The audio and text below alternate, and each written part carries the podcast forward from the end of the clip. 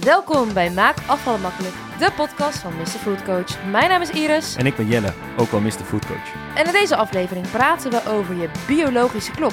Of met een moeilijk woord, je circadiaans ritme. Hoe werkt dat precies? En kun jij erop vertrouwen? Je hoort het nu.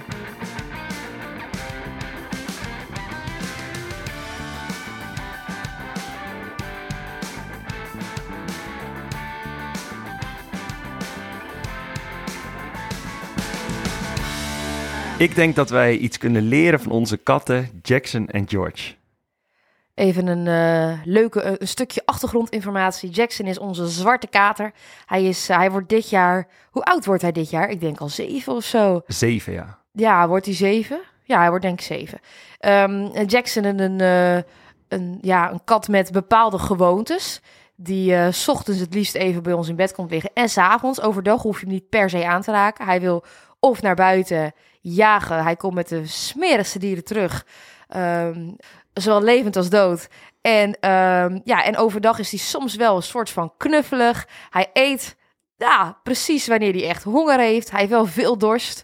Ehm, ja, dat is Jackson. Hij houdt niet zo erg van speeltjes totdat hij onze andere kat George ermee ziet spelen. En dan in één keer slaat hij toe. Kan erg hard spinnen. Gevoelig beestje. Als ik een beetje ziekig ben, komt hij meteen bij me liggen. Oké, eh, ja, die, die maakt zo'n ge- gebaar met zijn hand van eh, door. Oké, George, onze andere kat, stukje jonger, is een, eh, een Perzische kat. die op een heel bijzondere manier op ons pad is gekomen. Kan ik weer een hele andere aflevering over maken. In ieder geval, hij kwam als kleine kitten bij ons. Jackson had, er een, had een, een gruwelijke hekel aan George. En inmiddels is dat niet ontzettend veranderd. Alleen George is gewoon zo'n lieve kat. Die het blijft proberen bij Jackson. Wat erg schattig is. Als Jackson naar buiten, van buiten naar binnen komt.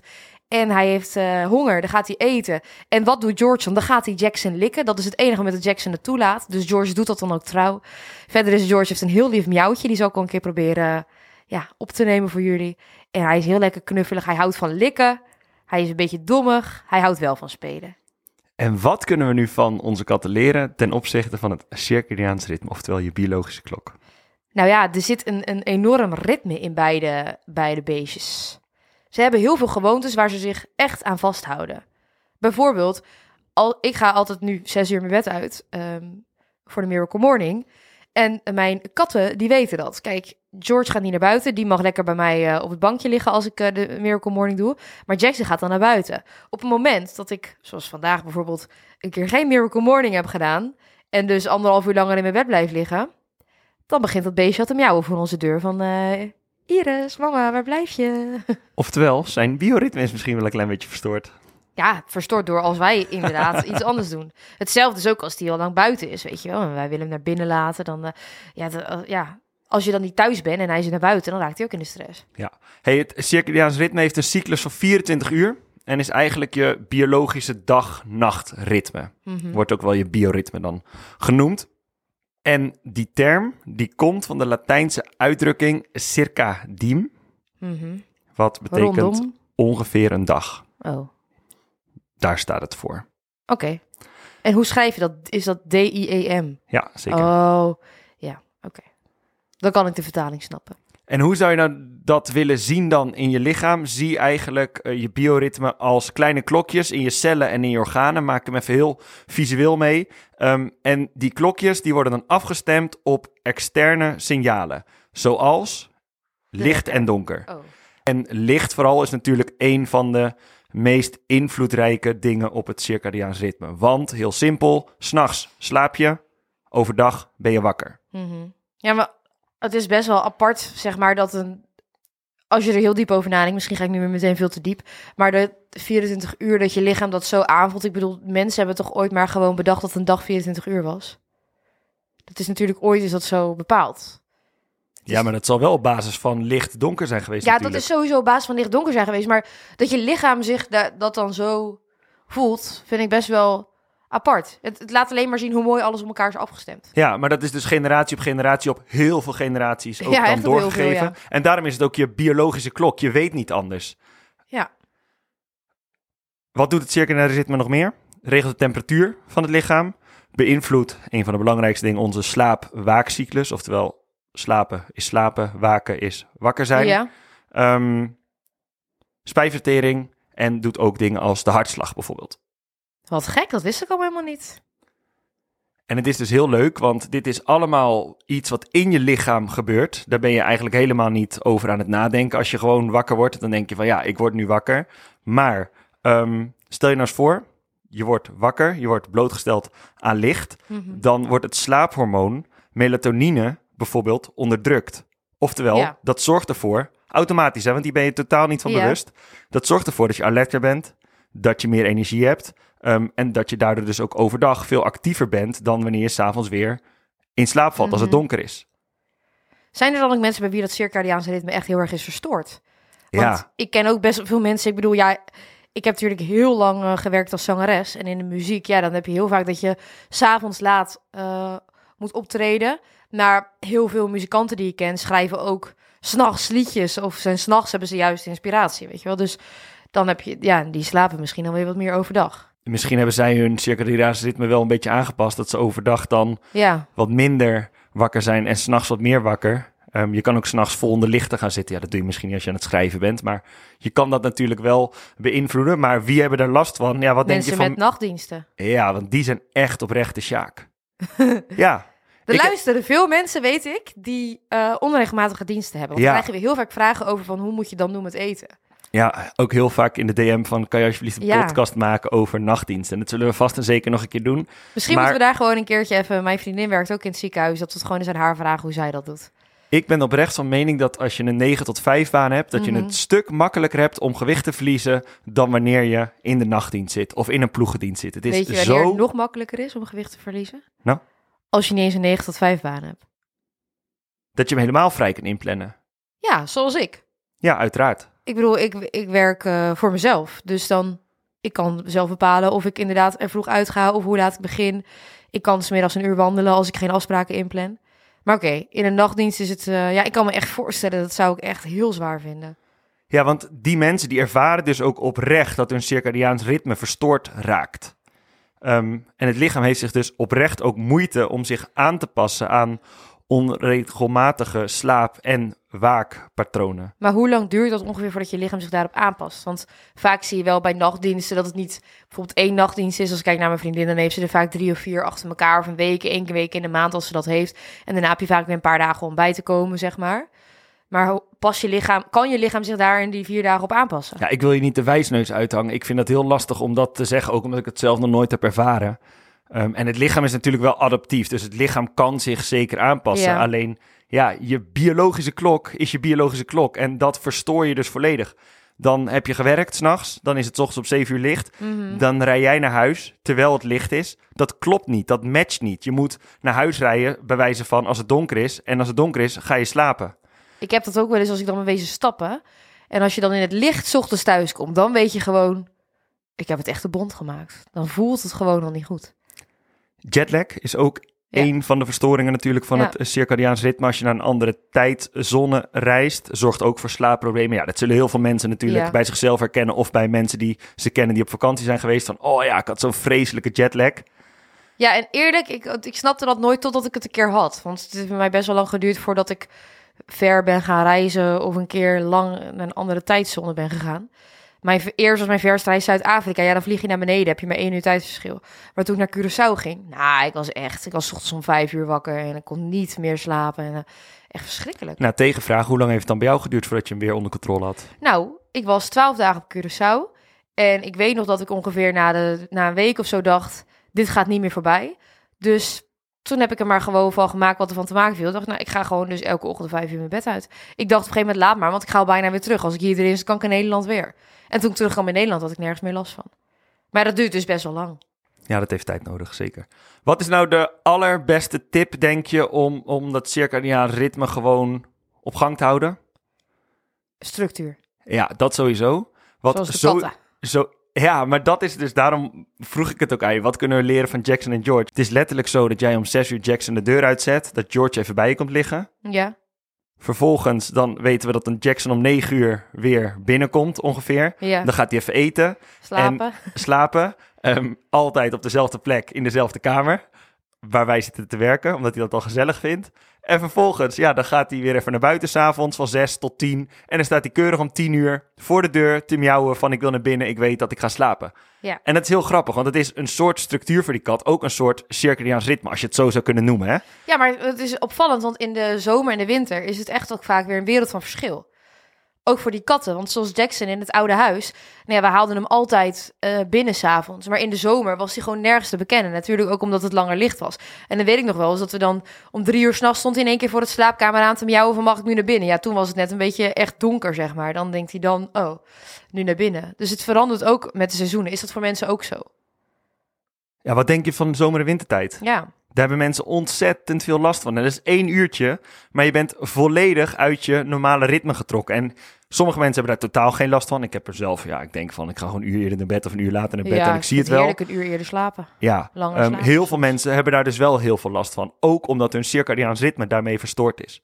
En dat vind ik wel belangrijk om even te zeggen tijdens deze podcast. Want je kan hier heel diep op in. Ook fysiologisch en zo. Gaan we allemaal niet doen. Ehm, ik vind het heel belangrijk dat je er gewoon bewust van bent. Hoe dat nou een klein beetje in elkaar steekt. En eigenlijk komt het er, als je hem doordenkt, neer op. Ik wil zoveel mogelijk vaste gewoontes inbouwen. Ja, Jij zegt altijd van ga 's ochtends even een rondje lopen als je wakker bent geworden. Ja, waarom zou je dat doen als je dat invult met het circadiaans ritme?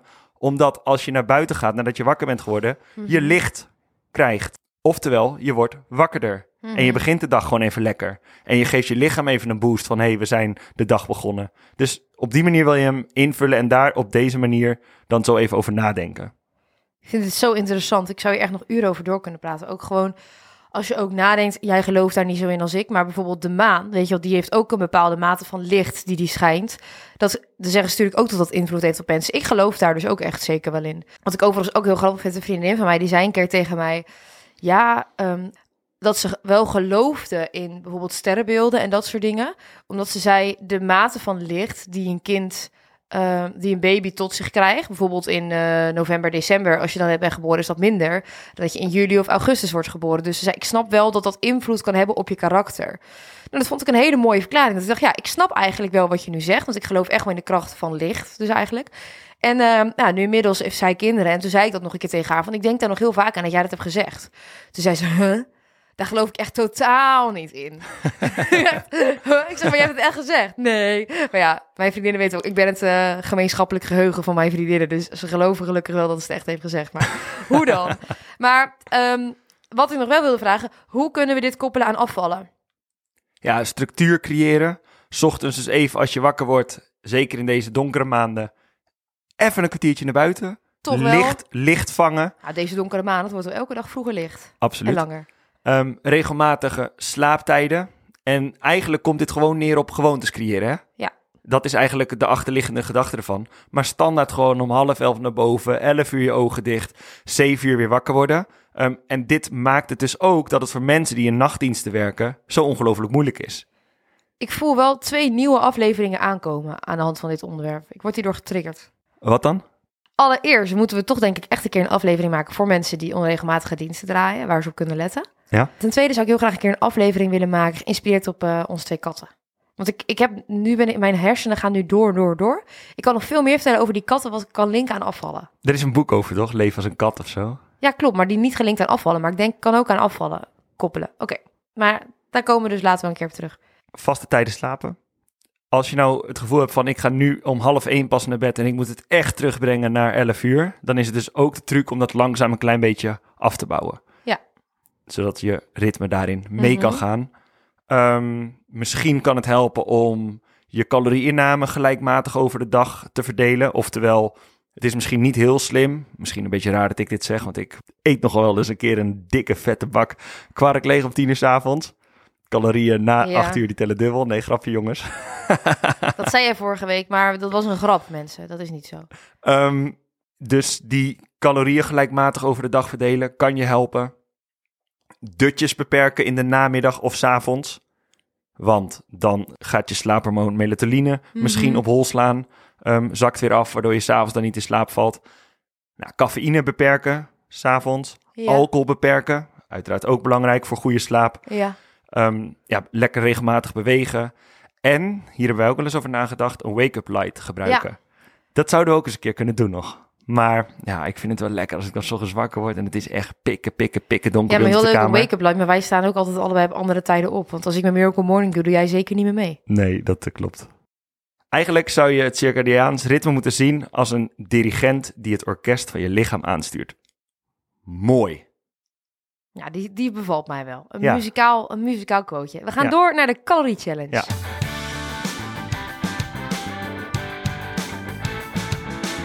Calorie challenge over chocomel en haverdrink.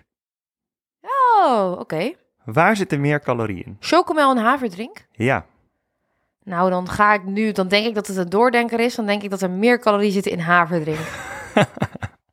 Heb ik dat goed? nee, Oh. ik vind het zo grappig. Hoezo? Wat vind je, wat vind je grappig aan? Ja, dat je elke keer gewoon weer totaal fout zit. Dat is echt totaal niet waar. Hoeveel calorieën per 100 milliliter in chocomel? Er zitten dus meer calorieën in dan haverdrink. 60. En in haverdrink? 45. 87 calorieën in 100 milliliter chocomel. Oeh.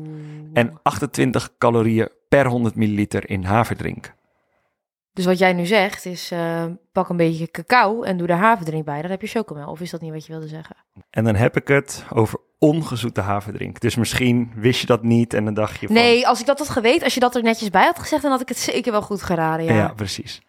Ik drink dat nooit een haverkapje. Weet jij wat de verbruiksbelasting is?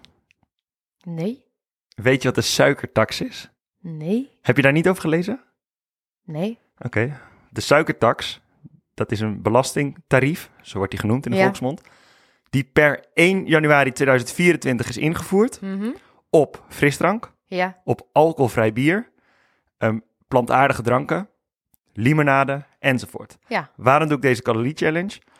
Omdat ik jou wil vragen of je chocomel onder de suikertax zou scharen of dat je denkt van nee, die valt er buiten. Eh, ik denk het wel. Het is zo dat die dus er buiten valt. En ik vind het even leuk om hier met jou over te sparren. Want het is dus zo als je cola koopt, Ja. dat je nu gewoon meer geld voor cola betaalt. Omdat er meer omdat suiker die in zit. belasting omhoog is gegaan. Ja, Ehm, logisch. en ehm, voorheen betaalde je 9 cent per liter voor ehm, niet-alcoholische dranken. Ja, met suikertax. Denk aan frisdrank, dat soort dingen Ja. gewoon. Nu is dat 26 cent per Zo? liter. Ja, Ehm, bij mineraalwater, dat is dan weer tegenovergesteld, betaalde je ook altijd een kleine tax, maar dat is er dus van afgehaald. Ja. Waarom hebben ze dat gedaan? Om natuurlijk de gezondheid te stimuleren. Ja. Maar eigenlijk is het gedaan om gewoon lekker veel belasting binnen te krijgen, want het gaat om 300 miljoen euro. ja, Nu zijn er heel veel mensen die zeuren, want zo'n haverdrink, die heeft wel een suikertax gekregen. ja. Terwijl chocomel, en als er één product is waar veel suiker in zit, dan is het chocomel, geen tax heeft gekregen. Wat raar. Dat is raar, toch? Waar ligt dat aan dan? Omdat chocomel onder de zuivel wordt geschaard. Dat is Een melk. haverdrink niet. Nee, want dat is een plantaardig iets. Oh, Dus er zijn heel ik veel mensen zuivel. heel boos over. Ehm chocomel is niet duurder geworden, om terwijl er heel veel suiker in zit. Ehm drinkyoghurt ook niet duurder geworden, omdat dat dus ongeveer hetzelfde Ja. gehalte heeft als melk. En melk is dan volgens de overheid een eerste levensbehoefte en daarom is het vrijgesteld van belasting, net als heel veel andere zuivelproducten. Mhm. En havermelk, amandelmelk, rijstmelk en dat soort dingen, dat wordt dus als limonade beschouwd en wordt dan wel extra belast. En het maakt niet uit of ze dan gezoet zijn of ongezoet. En nu er is een petitie gestart tegen belasting op haverdrink en dat Ja. soort dingen. Is al 55.000 keer ondertekend. En Oatly, dat is een bekende Ja, havermelkfabrikant, ehm, die heeft een poster gemaakt met de tekst: Dit is geen limonade, het kabinet zegt van wel. Maar het is heel grappig dat in de supermarkt dus, ja, het is al één grote jungle. En dan Ja. de overheid weet ook totaal niet hoe ze daarmee om moeten gaan. Ik snap ook wel dat als je, ja, dat het ook heel lastig is, waar ga je die grens eh, trekken? Dat snap ik ook alweer. Maar Wat het is denk je wel dan- heel krom. Wat denk je dan van Cola Zero? Zit daar geen tax op? Ja, er zit ook een tax op. Terwijl er nul suiker Ja. in zit. Dus ze noemen het Nou, de suikertax in de volksmond. De, de maar het is dus niet de suikertax. Dus noemt het de eigenlijk. verbruiksbelasting. En wat ze eigenlijk Oh, ja. willen is dat ze dus eh, zeggen van ja, al die ongezonde dingen, daar willen we van dat de mensen dat minder drinken. En mineraalwater halen ze dan de belasting Ja. ervan af. Maar uiteindelijk halen ze er ook 300 miljoen mee op. Maar ik weet niet of het echt zo is. Maar ik heb ook wel eens begrepen dat bijvoorbeeld eh, het maken van sojamelk en havermelk en dat soort dingen, dat dat eh, heel belastend is voor het milieu. Dus ik, ik, dat heb ik wel vaker gehoord, dat zeg maar, dat helemaal niet per se beter is. Ik hou me daar ver van buiten. Want ik heb ook heel vaak gehoord dat dat dan weer zo vaak wordt gezegd dat iedereen dat nu gelooft. Zoals jij Ja, dat ik nu ben ook daar zegt. dus ook eentje van. Ja, ik weet dat niet. Dus dat Toch hou ik nog ook- steeds van eh sojamelk hoor, anders lust ik geen koffie zonder dat. Maar... Even op een rijtje. Alcoholvrij waar verbruiksbelasting op zit. Limonade, vruchtensappen, groentesappen, ehm, alcoholvrij bier, alcoholarm bier, frisdrank, dat soort dingen. Oké, gaan we door naar de update.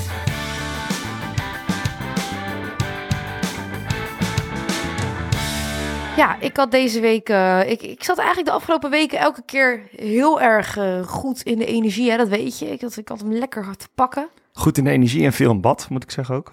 Ja, de afgelopen weken. Maar de afgelopen week had ik toch een beetje een, eh, een dipje. Oh. Wat? Oh, dat weet je toch? Ja, ik ben heel benieuwd wat je gaat vertellen. Nou, ik had gewoon een. ehm, ik had een soort van mentaal dipje even deze week. Ja, dat, eh, dat kan natuurlijk gewoon zo af en toe. Dat hoort erbij.